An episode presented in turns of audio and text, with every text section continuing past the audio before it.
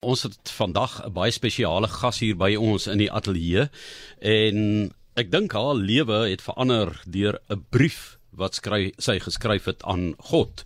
Baie interessante ommekeer in haar lewe, maar voor dit was dit regtig nagmartelies. Ja inderdaad en ook van 'n jong ouderdom byvoorbeeld sy was 12 jaar oud sy het haar pa verloor ook op 'n vroeë ouderdom. En ons gesels vandag op Wêreldvigsdag oor mense se stories hier op 360 mense se ervaring oor die jare toe ek nou hier ingestap het was daar 'n kollega wat ook vir my gesê het by een van die ander radiostasies hoe moeilik die dag vir haar is want sy het al vriende verloor. Weens vigs meer spesifiek dit is vandag Wêreldvigsdag Martina Martin is saam met ons in die ateljee en sy's 'n vrywilliger by A Stranger Kind. Ons het onlangs met daai organisasie onderhoud gedoen. Dis waar mense mekaar in die oë kyk en met mekaar 'n gesprek voer in 'n veilige spasie om mekaar beter te leer leer ken of mekaar beter te verstaan is 'n fantastiese konsep. So laat ons weet as jy 'n bietjie meer daarvan wil leer, ek sal vir die pot gooi daarvan aanstuur, maar sy praat met ons oor haar lewe met HIV. Baie welkom en baie dankie dat jy bereid is om openlik met ons vandag te praat Martina. Baie dankie vir die invite vandag. So ons gaan nou 'n bietjie gesels oor jou grootword jare, maar hoeveel jare is dit nou wat jy met HIV leef? Dis nou 16 jaar. 16 mm. jaar. En die vraag is natuurlik altyd, hoe gaan dit mm. nou met jou gesondheid? Ja. So, ehm um, op die oomblik is my viral load undetectable en dit beteken dat ek kan nie die virus is active wees, so ek kan die iemand infekteer. So dit word nie opgetel tans ja, eintlik nie. Ja. Dit is eintlik ongelooflik Martina as mens dink waar ons vandag is. Ons weet dit is 'n krisis in Suid-Afrika en daar was ongelukkig van owerhede 'n mm. donker ja. geskiedenis en ja. periode waar daar net eenvoudig nie genoeg gefokus is op HIV nie en vigs in Suid-Afrika nie. Ons ken nou daai agtergrond. Mense moet maar 'n bietjie gaan lees. En jy praat van 16 jaar, mm. jy's deur daai periode. Ja. Hoe het jy daai tyd ervaar? In 2006 toe ek nou uitvind ehm um, van HIV is ek was ek 25 jaar oud. So daai was 'n death sentence vir my. Ek het niks geweet van AIDS of HIV dis so. Ek het net gedink ek kan sterf, you know. En um en ek soos ek geskryf het dit is my ontmoeting met die Here wat ek regtig wou nou net accepted die omstandighede wat ek my in bevind het met HIV wat nog altyd het ek verstaan wat HIV was nie totdat ek um hospitaal toe gaan en op die medikasie moes gaan en you know daai proses moet deurgaan dat ek nou meer uh, you know moes uitvind waar oor gaan dit? Wat is die you know gaan ek sterwe? Hoe lank gaan ek lewe? You know and that is because I was omdat ek so gewerk het met die gemeenskap het hy ook vir my um oopgemaak om meer uit te vind sodat ek meer mense ook kon help in die proses Martina, ek wil sommer dit van die begin af sê want mm. dis my belangrik dat mense saam verder luister. Mm. En ek gaan dit nou sommer direk sê. Daar sal nou mense wees wat luister sê ag ek wil hier na luister nie. Mm. Dit is nie dit het niks met my te doen nie. Dis nie vir my pertinent nie. Dit gebeur met 'n sekere persoon en jy het 'n sekere leefstyl gelei. Hoe dit ook al sê, ek gaan nou afskakel of mm. ek ek gaan net nie nou luister nie. Ek mm. stel nie belang in jou storie nie. Is jou eie skuld gewees. Ja. Wat sê jy vir daai persoon vandag? As wanneer mens jonk is, is jy eie wys en jy wil jou eie ding doen en jou eie lewe leef, you know. En wanneer hierdie ding op jou pad kom, besef jy eintlik, you know, dis dit dit dit was my eie skuld. Ek ek wou drugs doen. Ek was 'n drug addict, you know. Ek het daardie lewe gelei. Ek was vasgevang in daai omstandighede. Maar dat dat 'n geleentheid gekom vir my om my lewe om te kon draai en daai impak vandag kan ek honderde mense in my gemeenskap help met hy storie van drugs, met hy storie van HIV, met hy storie van my eie skuld kan ek nou ander jong mense, mamas, papas, almal bemoedig en vir hulle help because op 'n tyd was daai, dit was my eie skuld. Maar nou my eie skuld het nou um 'n sleutel in my hand geraak om iemand anders te kan help jy het die brief geskryf voordat jy met vigs gediagnoseer is mm. en dit is baie interessant. So jy het nou nie 'n pakt met God gemaak en mm. gesê as jy nou as ek nou uh, vir jou 'n brief skryf dan mag ek nie vigs of jy moet vigs wegneem. Ja. Dit het na die tyd gekom. Was ja. dit vir jou 'n baie groot eintlik wil ek sê kruispunt wat jou geloof ook betref om nou hier het jy nou jou lewe begin reglei en jy begin net goed aangaan en skielik kry jy hierdie ontstellende nuus. Ja, ek dink Johan, um toe ek so vasgevang gewees het in daai lewe, dit was dit was baie baie dit was bad en dit was swaar. En toe ek die brief vir God skryf, was dit eintlik om vir hom te vra om my uit daardie omstandighede uit te haal en vir my te help en vir my you know 'n weg te maak daardeur. So daar was niks wete van van HIV daar nie.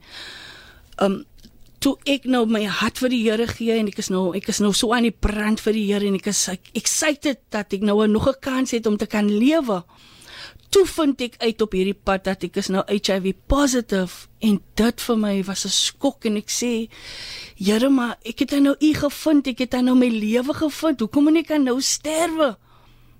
Maar daai besluit wat ek gemaak het deur daai besluit kon God vir my dit dra en hy kon my verder wys dat hy my hierdie gaan help van op 25 om te hoor jy's HIV positive Watter toekoms is daar vir jou?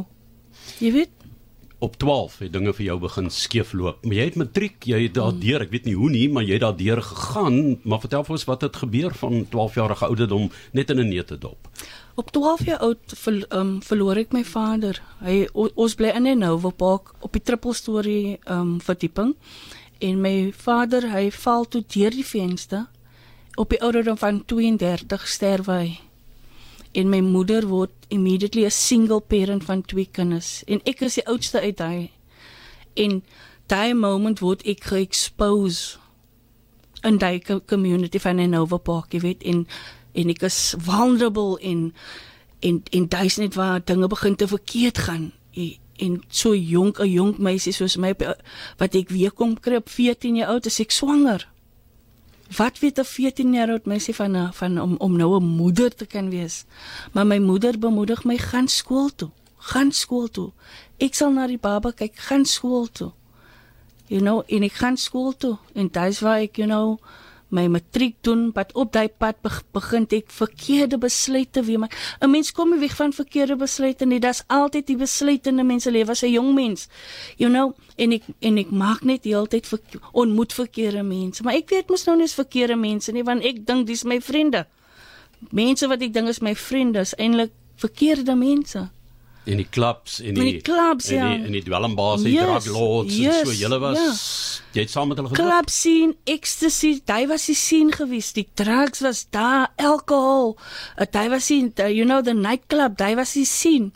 En daar begin ek myself so expose aan hierdie lewe wat my so vasbind op so 'n jong ouderdom. Ek sien jy het ook gesê dat jy later aan so baie uh, dwelms gebruik het dat dit nie meer vir jou beïnvloed het. Jy kon nie uh, soos hulle sê kiek kry nie. Ja, jy weet jy, ja. uh, uh, ervaring kry daar uit nie, maar dit dit, dit dui daarop in watter diep doldrum jy mm. was in daardie stadium, watter ja. gat jy was, ja. né? Jy jy jy rook so baie dat jy nie eens meer hoog kan raak nie. Maar jy raak meer depress So jy raak meer depressie, jy raak meer sad. Jy gaan meer in 'n gat in. You know die die meer jy rook, die meer die dieper gaan jy in 'n in 'n in 'n dowwe gat in 'n donker gat in. Ek wonder of dit 1 uit 10 mense is wat kan sê dit het met hulle gebeur wat met jou gebeur het wat uit daai gat uit mm, gekom het, né? Mm. Dit is 'n ongelooflike ingryping in mm. in jou lewe. Watter ouderdom het was jy 25 of 25 wat ek uitkom wat jy gediagnoseer is toe? Ja, nee. ja. ja. Maar maar ook jou lewe verander. Ja op die ouderdom van 25 kom ek uit en en ek kry 'n kans om my lewe te verander en en en ek het nooit weer teruggekyk nie. Martina, wat gebeur tydens daardie gesprekke byvoorbeeld met 'n stranger kind? Hmm. Ehm um, dit is wat ek graag van jou wil vra, hoe beweeg jy vorentoe en wat is jou woord aan ander mense? En hier is 'n boodskap van Anet van Wyk wat net sê bravo vir jou gas. Ek bid haar alle sterkte toe, mag Jesus haar elke oomblik seën. So mense luister na jou boodskap en verwelkom dit om met ander te gesels wat dalk in dieselfde mm -hmm. bootjie is. Ehm um, en mense praat nou hier vandag van HIV, maar ek weet daar's mense wat uh, maar met baie mm -hmm. sake worstel soos wat ons in Suid-Afrika wel doen. Ja, definitief. Op 'n stranger kind, hy is 'n hy is 'n wonderlike 'n uh, platform waar waar mense geleentheid kry om vrae te vra. You know, mense soms soms sit ons met 'n vraag, hoe het jy dit gekry? Wat het gebeur? Wat het gebeur? Wat jy so al die vrae dit skep 'n geleentheid om te gesels. Het jy die mense vergewe? Het jy uh, uh, gepraat daaroor? You know dat dit is die die platform wat wat created word om waar mense vrae kan vra oor die stories wat wat wat oor gepraat word op uh, Oscar Stranger Kind.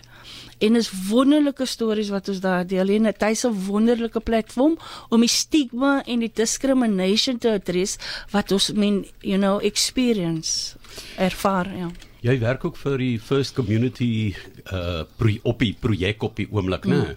First Community Resource Center.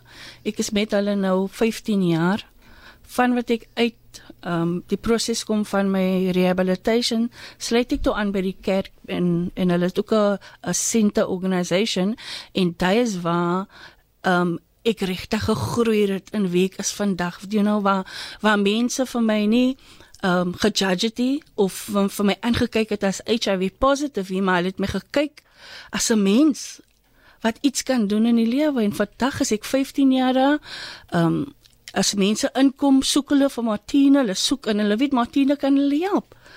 Dieselfde Martine wat stikken gewees het, gebroke, wat almal weet is HIV positive, maar hulle kom want dis hoop hulle sien as as haar lewe kan verander, dan kan ons se lewe ook verander. Jy was seker in jou tienerjare toe jy nou groei het van 12 na 18, 20 'n bietjie in 'n waas ook gewees dinge. Jy het nooit daai werklike ontwikkeling van die tieners gehad nie, jy weet om om om te kan groei en mm. probleme te kan identifiseer en te oorkom nie.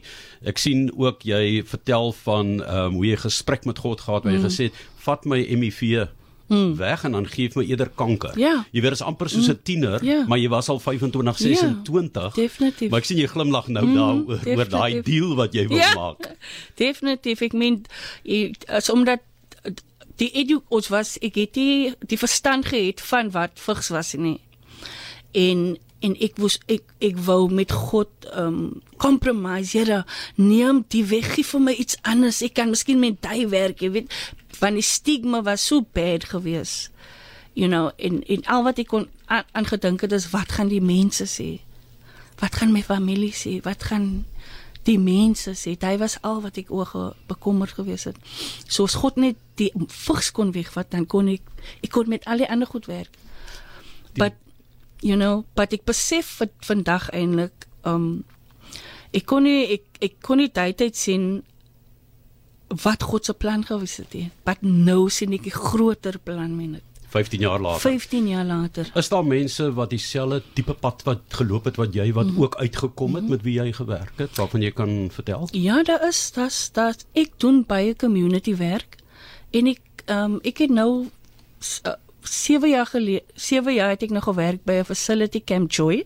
Is 'n in-house facility waar ons ook mense help wat op substance is, so hulle kom uit en hulle hulle change hulle lives.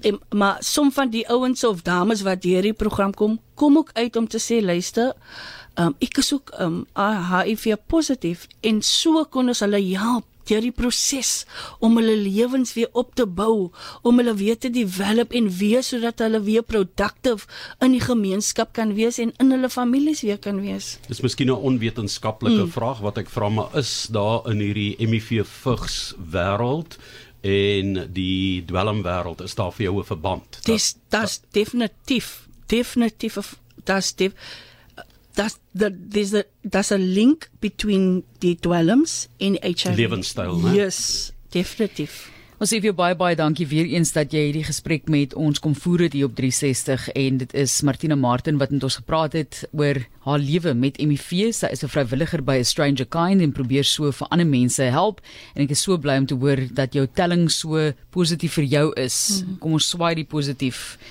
in 'n ander rigting. Mm. Martina baie sterkte, mag dit met jou goed gaan en mag jy daai boodskap van hoop en opstaan en vorentoe beweeg verder neem in Suid-Afrika. Baie dankie.